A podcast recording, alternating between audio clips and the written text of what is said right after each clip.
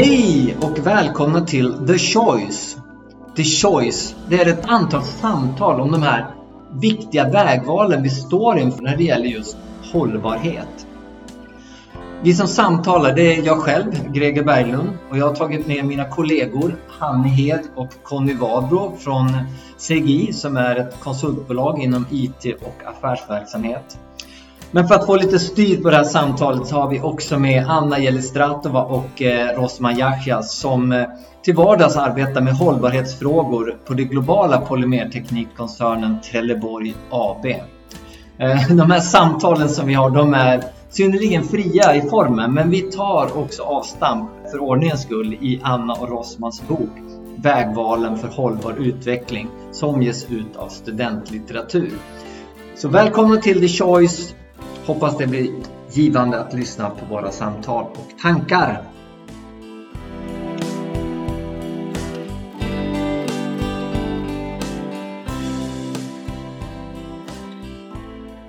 En hållbar utveckling, det är en utveckling som eh, tillfredsställer dagens behov utan att äventyra de kommande generationers möjligheter att tillfredsställa sina behov. Ja, det där var från Brundtlandsrapporten som skrevs redan 1987. Mycket komprimerad men fortfarande väldigt relevant. Det handlar både om nutid där vi lever men också framtiden. Eh, och jag tänkte vi tar oss in på det här definitionen av hållbarhet. Vad är det egentligen vi pratar om? Så att jag tänker att jag bollar över ordet till Rossman till att börja med. Jag kanske ska börja med att säga vem jag är då. Rosman Jacka heter jag. Eh, Eh, jobbar på Trelleborg AB och är eh, ansvarig för hållbarhetsarbetet där. Så att, eh, det var i den egenskapen som Anna och jag träffades och, och satte igång att skriva den här boken. En, bit tillbaks i tiden som nu faktiskt finns att, att läsa då helt enkelt. Hållbar utveckling är ju väldigt många olika saker och, och, ganska svårt att definiera eh, kan man ju säga. Men den där Brundtland-definitionen som du började med Greger, det är ju den vanligaste som man brukar ta den som är liksom kortast och, och, och liksom ändå på något sätt försöker beskriva vad det är vi vill åstadkomma med, med hållbar utveckling, det vill säga att det ska finnas en framtid för, för framtida generationer, att inte vi ska förbruka alla resurserna och göra av, förstöra miljön och vad det nu kan vara för, för att människor ska kunna ha det bra i framtiden. Men sen när man försöker ge en bild av hållbar utveckling så kan den ju se ut på, på, på, många, många olika sätt och jag tror att nästan alla människor ser olika saker framför sig när man, när man säger de orden då. Men i, i dagens läge skulle jag kunna påstå, och det skriver vi nog i boken också, att vill man få en, en, en, stor och bred bild av hållbar utveckling så kan man ju börja med att läsa FNs globala mål, de här 17 målen som har en massa undermål också då. För då får man en bred, bred bild av de olika områden i, i samhället och i världen då som, som behöver bli bättre för att människorna verkligen ska ha en bra framtid. Så det tycker jag kanske idag är en, en bra, bra start om man vill bilda sig en uppfattning om vad som krävs för hållbar utveckling. Det är bra med de FN-målen också att man har satt liksom en tidsgräns. Man säger att fram till, till 2030 så ska vi försöka uppnå de här sakerna. Så då inser man ju att det är ganska bråttom med många av de här sakerna och att vi måste, som du sa inledningsvis Greger, vilja välja att det ska bli bättre också. För gör vi ingenting, ja då kommer det gå inte alls så bra som vi hoppas. Och, och det är många saker, klimatet är bara ett exempel som kan gå på sniskan helt, helt enkelt. Vad tänker du Anna, är det något mer, det där hållbar utveckling som, som du tycker är viktigt att, att lyfta fram? Ja, absolut. Ska också passa på att presentera mig. Anna Gillestratova Eh, tack Greger, korrekt uttalet efternamn händer inte varje dag. Eh, jag jobbar med Rosman på Trelleborg AB. Eh, jobbar specifikt med klimatfrågor eh, och har gjort det nu i eh, ett antal eh, år generellt på Trelleborg ett år. När jag sitter med de frågorna som rör klimat och som rör hållbar utveckling generellt, det kan lätt bli rörigt. Det kan lätt bli väldigt mycket. Eh, och för, för, att kunna fokusera och verkligen fatta vad som är rätt och vad som är fel så brukar jag tänka att hållbar utveckling egentligen i slutändan handlar om sunt förnuft. Det behöver inte innebära att det är lätt eller svårt, att det är dåligt eller bra, men det ska vara sunt, det ska vara logiskt och rimligt. Eh, och alla intressenter ska tas på allvar i så stor utsträckning som möjligt. Så för mig personligen handlar hållbar utveckling i slutändan om något som är rationellt och som är sådär globalt sunt. Och jag håller helt eh, med dig Rosman att eh, globala målen, de Sustainable Development Goals som FN tog fram, är ett otroligt bra verktyg att visualisera och kommunicera kring det otroligt stora och svåra konceptet av eh, hållbarhet och hållbar utveckling.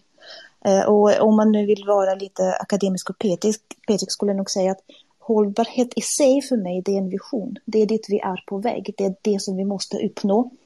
Det är så att säga ett tillstånd som eh, världen kommer att hamna i så småningom, förhoppningsvis.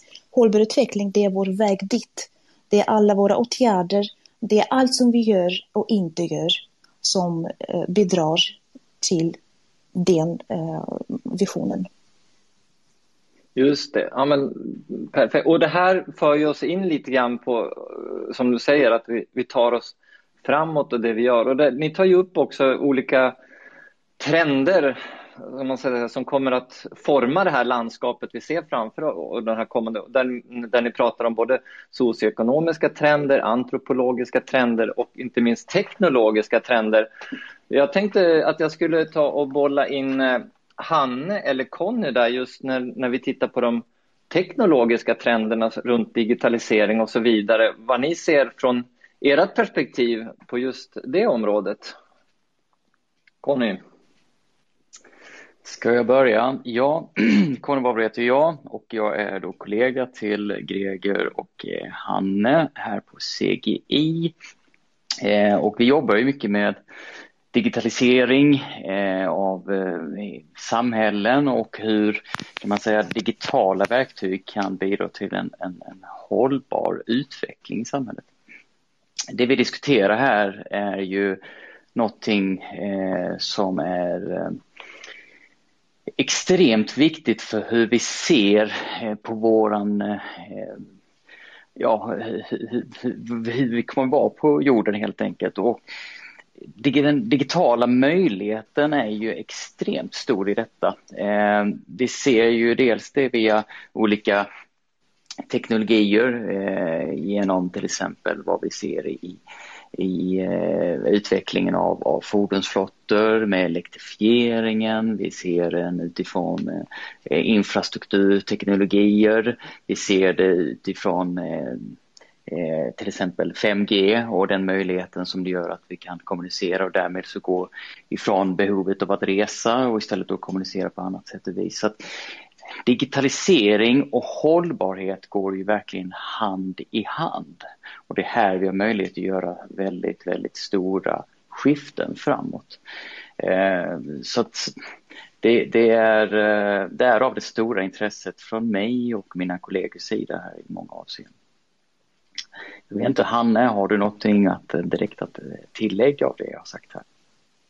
Ja men absolut. Ehm, um, Hanna Hed heter då jag och eh, jag jobbar som sagt också på CGI tillsammans med Conny och Greger. Ehm, jag tillhör vår enhet som är mer kopplad till bank och finans.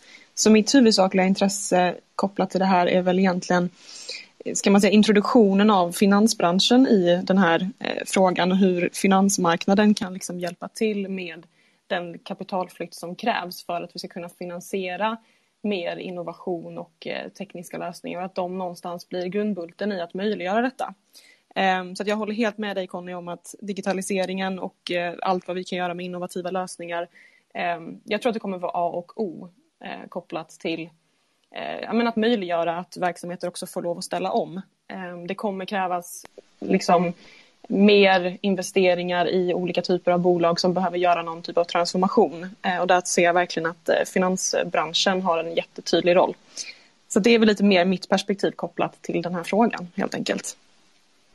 Mm, tackar. Jag tänkte om vi hoppar in på de här med socioekonomiska trenderna runt globaliseringen och växande medelklass eh, som ni tar upp i boken här Rosman. Har du någonting du vill kommentera runt just de bitarna och problematiken som finns i det? Det finns ju en uppenbar problematik som vi, som vi får naturligtvis vara medvetna om när vi pratar om det här att alla måste ta sitt ansvar då globalt och det är ju att alla har inte samma förutsättningar. Det är ju annorlunda att prata om att ta ett hållbarhetsansvar om man bor i det rika landet Sverige eller om man bor i ett land där man har kanske inte ens tak över huvudet eller, eller mat för dagen. Då är det jättesvårt att prioritera hållbarhet i det läget såklart.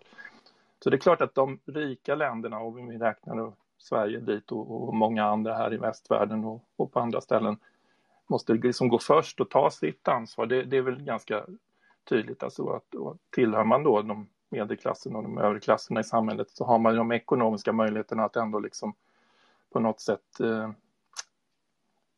välja hållbar livsstil kan man väl säga då.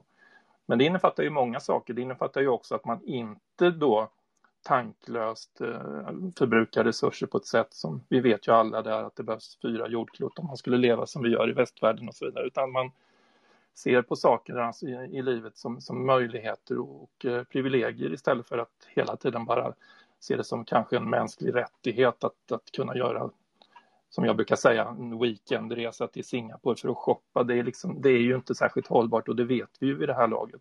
Men människan är ju så här att vi, vi ibland så, så gör vi inte de förnuftiga sakerna i alla fall. Då. Eh, Anna pratade om sunt förnuft här och det är ju det är bra att ha, men många gånger är det så tyvärr att vi vet vad som är rätt, men ändå gör vi inte riktigt så, för vi ser inte kanske de direkta negativa konsekvenserna av det.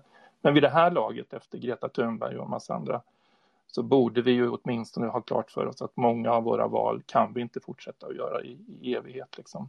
utan vi måste ställa om på olika sätt och det är en av de bärande idéerna för den här boken, att som medborgare så är du ju ändå en av åtta miljon, miljarder människor. Om alla skulle välja att göra lite mer hållbara val, då blir det ju faktiskt jätte, jättestora konsekvenser. Istället för att man som många gånger tänker att ja, men det är bara jag, om jag gör annorlunda så blir det ingen skillnad. Nej, men om du och åtta miljarder andra gör någonting annorlunda, då blir det väldigt stor skillnad. Ja, jag tänkte haka på där det du säger, där, för jag tror säkert att många känner igen sig just i det, att man, man upplever sig som lite klämd mellan, dels är det politiska stimulanser där man, ja, men man får stöd för solcellspaket eller elcyklar eller elbilar. Och sen har man företagen som man ibland kan irritera sig på när man får hem stora förpackningar där det ligger en, en liten vara i eller att det kör eh, transportbilar här som droppar av paket till höger och vänster till synes utan någon slags koordination. Och själv håller man då på och, och cyklar till jobbet och försöker vara duktig på att källsortera och så vidare. Så, så då tassar vi in på det här, men var, var ligger egentligen ansvaret här? Vi har ju en av idéerna här som du sa Rosman, det är ju att man själv har ett stort ansvar. Men hur ser det egentligen ut om vi breddar det perspektivet lite grann, att man som medborgare, vad, vilka är egentligen ansvariga? Jag vet inte, Anna, vill du kommentera det kanske?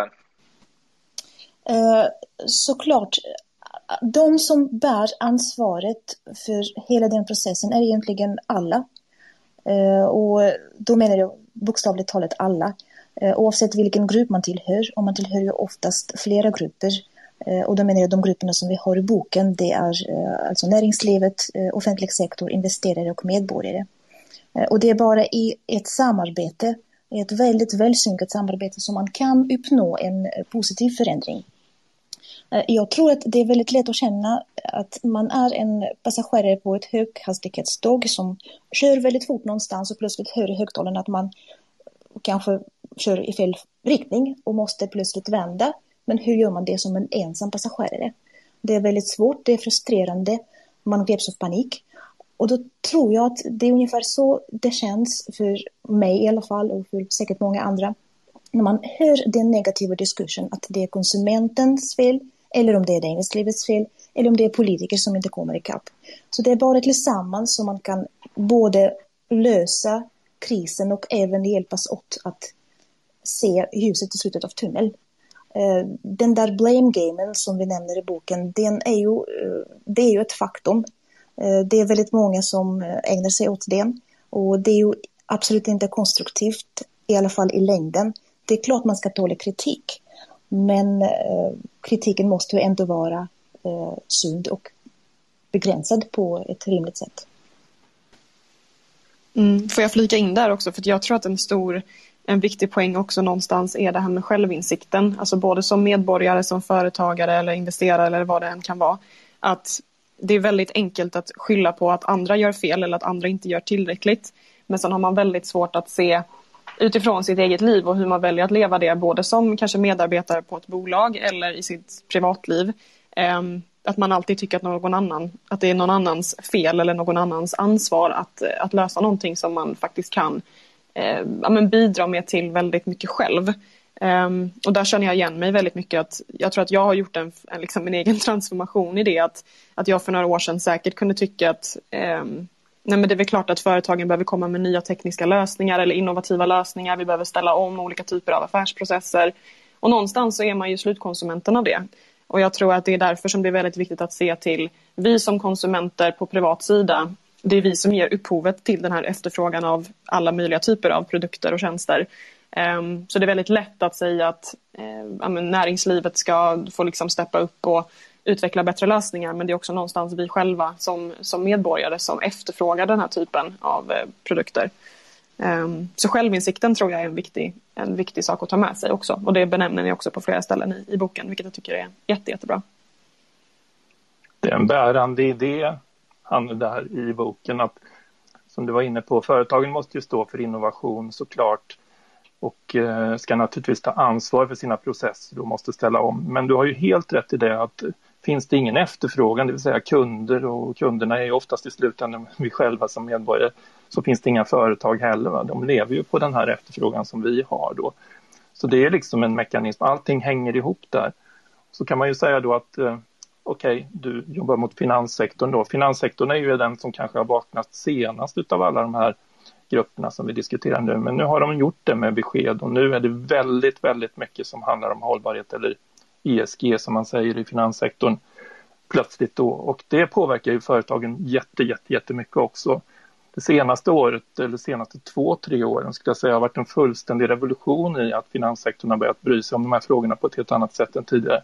Och det påverkar mm. företagen, åtminstone av döma av vad vi ser i vår vardag, på ett, på ett väldigt, väldigt revolutionerande sätt. Så de måste ta sitt ansvar, företag, finansiärer, politiker måste sätta upp styrmedel och regleringar som pekar i rätt riktning såklart. De har ofta varit fega, varit rädda för att till exempel sätta press på näringslivet av rädsla mm. att det ska kunna hota arbetstillfällen och sådana saker. Men vi har ju inget val, vi måste gå i en viss riktning. Och då må det väl vara så att vissa jobb faktiskt inte kan fortsätta. Jag tänker på, ni vet, hela det där med Trump och kolgruvorna i USA som mm där man förlorade ju jobb men... såklart. Men det är ju nödvändigt att vi ställer om och så vidare. Och så inte minst mm. att medborgarna naturligtvis ändrar sina beteenden i viktiga frågor då och då är det ju väldigt klassiska saker som vi som medborgare använder oss av som vi måste tänka lite, lite längre när vi gör framöver. Mm.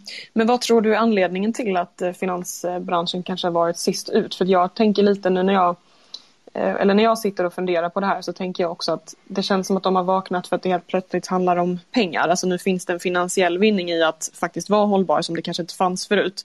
Och det kan jag tycka är lite synd på ett sätt. Att, eller jag vet inte om du håller med mig, du får jättegärna säga jo, emot i så fall. Jo, nej, men, men, om det är så att nu liksom, när man gör hållbarhet kring investeringar och kring kapital, då plötsligt vaknar eh, marknaden. Eller är det jag som tänker, tänker du annorlunda där? Nej, det, det, gör jag inte. De är liksom sist för att ni vet, ändå, finansbranschen är ju lite grann av den privilegierade delen av samhället. De flyter lite ovanpå och kanske märker inte så att säga, problemen som uppstår på bristande hållbarhet. De drabbar ju vissa grupper först och så vidare. Men när man plötsligt ser att efterfrågan för viss affärsverksamhet inte finns där längre därför att det inte går av hållbarhetsskäl. Det är klart, då börjar man se, precis som du säger, att nu får det ekonomiska konsekvenser. Nu är det faktiskt så att vi kan inte sälja de här typiskt icke hållbara tjänsterna eller, eller, eller eh, produkterna längre. Och då, och då förstår man äntligen. Alltså det är ju en sån där väldigt allmänmänsklig mekanism. Det är först när man står vid stupet som man ser liksom problemet på allvar. Hållbarhet och, och klimatfrågan är ett bra exempel. är ju någon slags osynligt hot som, som vi inte riktigt kan ta på. Det är ju så, så, så glidande och så vidare. Va? Vi ser inte riktigt vad det är som håller på att hända förrän det drabbar närstående eller, eller, eller så och då förstår vi liksom att det här är på allvar. Det är lite granna Ja, det är stor skillnad kan man säga med, med, med hur vi uppträder inför ett sådant krypande hot och för ett omedelbart hot som pandemin som vi alla hoppas att vi snart är ute i. Där, där blev det plötsligt ett väldigt omedelbart hot och då började vi direkt agera. Och om vi inte hade tänkt att flyga mindre tidigare så blev det plötsligt en, en nödvändighet och plötsligt så, så, så så flög vi inte längre då, trots att det har varit nästan som en mänsklig rättighet, ni vet, att flyga. Vi måste kunna ta oss precis hur som helst eller köra bil eller sådär. Men så visade sig när det verkligen var någonting som var farligt framför oss, då kunde vi ställa om på väldigt kort tid. Sen kanske vi ställer tillbaks igen, men i alla fall. Det är det här krypande hotet och det där som gör att, ja, det drabbar vissa grupper först och kanske, om jag får vara lite elak, då, finanssektorn sist. Jag, jag vill nog lägga till lite om finanssektorn. Jag tror att den snabba utvecklingen inom hållbarhetstänket inom finansbranschen just nu beror, inte beror, men kopplas till att de plötsligt, eh, aktörerna i finansbranschen insåg att de har en väldigt stark hållbarhetspåverkan. Tidigare när man tänkte miljöpåverkan, miljörisker, man tänkte ju sin egen verksamhet det där lilla kontoret där man sitter. Ta med finansbranschen, det kan vara belysning, det kan vara uppvärmning, det kan vara datorer, bilar. Det är inte mer än så om man tänker bara på sitt kontor. Plötsligt kom insikten att det är mycket mer än så, det är våra tjänster. Det är hur vi investerar, var vi investerar, vilka signaler vi skickar till andra som investerar eller vill investera, eller vill bli investerade i. Så när den insikten kom, då började utvecklingen köra väldigt, väldigt fort.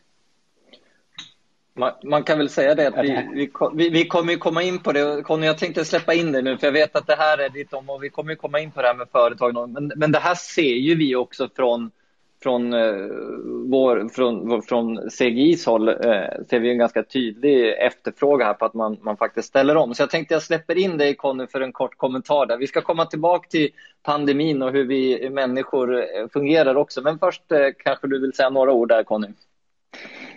Ja, men det, det, här är ju jätteintressanta dialoger och, och, eh, jag håller med dig. Det här det första vi ser i många lägen det omedelbara hotet eh, som vi verkligen bör reagera då. Och I analogt kan vi se det utifrån covidkrisen som vi är eh, fortfarande i. Eh, vi har ju sett eh, mycket hos våra kunder att det kom ju under föregående år rätt mycket krav från finansbranschen på hur man Eh, ser risken i sina investeringar. Och den delen har ju verkligen varit en, en, stor, har haft en stor påverkan hos våra kunder och det sättet man allokerar kapital. Och, och, den här förändringen i synen på risken i verksamheten, affärs, eh, den, den är vi egentligen bara en början i och därmed de stora skiftningarna vi ser i affärsmodeller hos Eh, våra eh, traditionella kunder men också hur vi ser många eh, mer eller mindre startups som kommer från ingenstans och blir väldigt snabbt dominerade inom en, en sektor. Eh, en ytterligare del, när vi ser liksom den, den faktiska risken eh, genom att inte eh, gå åt, åt ett hållbart håll. Det är till exempel det vi såg i, i mest typiskt i USA, givetvis då när man i Texas hade stora problem med, med energiförsörjningen under en vinterknäpp som var där, att man har inte gjort de infrastrukturinvesteringar som är nödvändiga. Vi tittade idag väldigt mycket bland våra kunder kring de energisatsningar som görs i norra Sverige Eh, eller inte energisatsningar, de är, det är beroende av energisatsningar för att man gör väldigt stora satsningar i ny teknologi och vi pratar då till exempel hybrid, vi pratar eh, det som görs på H2 Green Steel, vi har även Northvolt och så vidare som kräver väldigt stora energisatsningar. Så därför blir ju det här en, en, en mycket, mycket större fråga och det har ju gjort en förändrat bilden som jag bedömer det väldigt, väldigt mycket de senaste månaderna, året här på vilken roll näringslivet tar i denna frågan. Precis. Ja, vi kommer komma in som sagt, vi kommer ju fortsätta jobba oss igenom den här boken som ju är uppbyggd just runt de här olika perspektiven som vi har där vi har företagen, näringslivet, industrin, vi har finanssektorn, politiken och så oss som medborgare. Då. Jag, jag sitter själv och funderar lite grann, du var inne på det Rosman här, just runt hur vi människor är skapta för den här typen av problematik. Ser inte det här omedelbara hotet, även om vi logiskt kan förstå att det är nog förmodligen ett hot här, men vi ser det inte och då tar vi oss inte till det. Och jag tycker den är jätteintressant och, och också eh, det ni tar den ansatsen här i boken, att ja, men vad kan jag faktiskt göra? Och Eh, jag vet inte om ni har någon kommentar, Anna till exempel, eller Rosman, har ni någon kommentar runt världen, är vi skapta för den här typen av problem? Smygande, krypande problematik? Eh, om, om jag får börja, jag tror egentligen att det är väldigt få problem som mänskligheten befinner sig i, eller med idag, som vi är skapta för. Vi har skapat dem själva. De problemen som vi är skapta för, det är de som mänskligheten hade när vi bodde i savanna. Eh, om man då följer eh, Anders Hansens eh, logik och eh, filosofi. Eh, så jag tror absolut att eh, vi eh, har det kämpigt just nu. För det är väldigt nytt, det är väldigt udda. Det blir en konflikt på flera olika plan. Delvis måste vi ta ställning till något väldigt abstrakt som vi inte ser, vi känner inte, vi bara hör om det. Eh, och det som man hör kan man alltid ifrågasätta. Delvis innebär det att vi måste göra en förändring eh, och med det offra något som är bekvämt, något som vi är vana vid och något som vi gillar. Och de två eh, krafterna är bara några exempel av eh, hur jobbigt det är att eh, förstå vikten av förändringen och genomföra den. Eh, så jag tror att eh, det, det är som sagt kämpigt. Eh, att vi har skapat de problemen själva och det är också därför vi måste lösa dem själva. Och vi måste lösa dem på riktigt. Om jag kopplar på där, Anna, så är det klart att jag nämnde ju metaforen stupet, alltså det är inte förrän man står vid branten som man faktiskt ser, ja men här är farligt, va? då? Och, och så där är det. Klimatet är ju urexemplet på det här. Därför att vi har som människor jättesvårt att skilja klimat, det vill säga den här långsamma förändringen av av, av förutsättningarna runt omkring oss från, från väder som är vad vi ser genom fönstret när vi tittar ut. För att det är inte förrän det blir riktigt illa med vädret som vi förstår att vi har ett klimatproblem. Men innan dess så är det lätt att förneka och säga naturliga variationer, bla bla bla. Men jag tror att vi har nått ett stadium nu i alla fall när de här klimatförnekarna har, faktiskt har svårt att göra sig hörda för att, för att allting, allting pekar på att det som händer med vädret och klimatet Eh, har sitt ursprung i att vi själva har påverkat det här, precis som Anna beskriver det då, under de senaste, ja, hundra någonting åren helt enkelt och gjort att förutsättningarna har blivit hemskt annorlunda. Så att eh, ja, då måste vi helt enkelt frivilligt välja nu då eh, och hjälpa till, hjälpas åt allesammans då att försöka göra det här bättre igen och försöka hålla den här uppvärmningen då under en viss nivå så att vi inte får de här fruktansvärda effekterna som verkligen är stup runt omkring oss som som kan hända och som kan yttra sig på diverse olika sätt. Men det är ju extremväder och eh, översvämningar och allt som följer av det. Eh, naturligtvis missväxt, eh, flyktingströmmar, allt det där som, som man anar kan hända och som vi har börjat se effekter av redan. Men som vi naturligtvis hoppas att vi ska kunna undvika det värsta eh, scenarierna med i alla fall. Eh, jag skulle nog vilja komma tillbaka till självinsikten. Det, det, är ju på en individnivå, det är vi som individer och människor som måste få, eh, som måste förstå problematiken. Samtidigt så agerar vi sen i olika egenskaper som representanter för näringslivet, som politiker, som investerare. Eh, och där är det väldigt viktigt med kunskap och information, oavsett vilken grupp man tillhör. Man måste förstå att det inte är en åsikt, det är fakta, det är en klimatförändring Eh, det är eh, väldigt många olika problem som alla kan kopplas till hållbarhetsområdet på ett eller annat sätt. Eh, och där spelar även media väldigt viktig roll. En viktig sak som vi, som vi försöker ta upp i boken är ju den att, att all den här negativa informationen också som liksom finns i media och så vidare, den kan ju göra att man, man liksom ger upp hoppet också. Och det, det tycker jag är en av de tråkigaste eh, effekterna av, av vår, den nyhetsförmedling och sånt som vi har idag. Att det är väldigt, väldigt svårt att förmedla positiva nyheter, för det finns ju sådana också. Och väldigt lätt att förmedla negativa nyheter, vilket gör att många människor känner sig liksom som en viss hopplöshet inför det som vi står inför och så vidare. Medan vi som jobbar i företag kan ju se att ja, men för att liksom förändra våra koldioxidutsläpp så kan man göra en plan och det visar sig när man tittar närmare på det så var det ingen omöjlig plan. Vi kan halvera utsläppen på fem år, vilket vi hade sagt var helt omöjligt om någon hade tagit upp den frågan för fem, tio år sedan.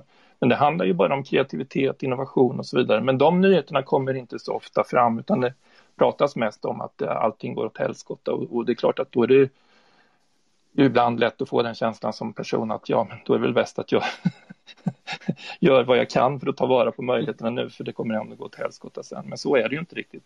Tvärtom ja. borde vi mm. alla hjälpas åt att försöka styra bort från det här eh, katastrofscenariot som faktiskt inte kanske är riktigt så illa om man börjar titta nyktert på det. Liksom. Ja, vill man skrämma folk så kan man visa ledsna isbjörnar och det gjorde man ju innan. Men mm. nu måste ju hållbarhetsretoriken komma ifrån det och mm, hållbarhetsdiskursen. Mm, och med de orden så får vi ta och avsluta dagens The Choice och vi kommer tillbaka och kommer fortsätta diskutera utifrån den här boken som Rossman och Anna har skrivit och gå mer in på företagen och industrin, finanssektorn och det offentliga och samtalet och politikerna, vad de har för betydelse för hållbarhetsarbetet. Vi tackar för oss och hoppas att ni hade en trevlig stund tillsammans med oss. Ha det fint, hej!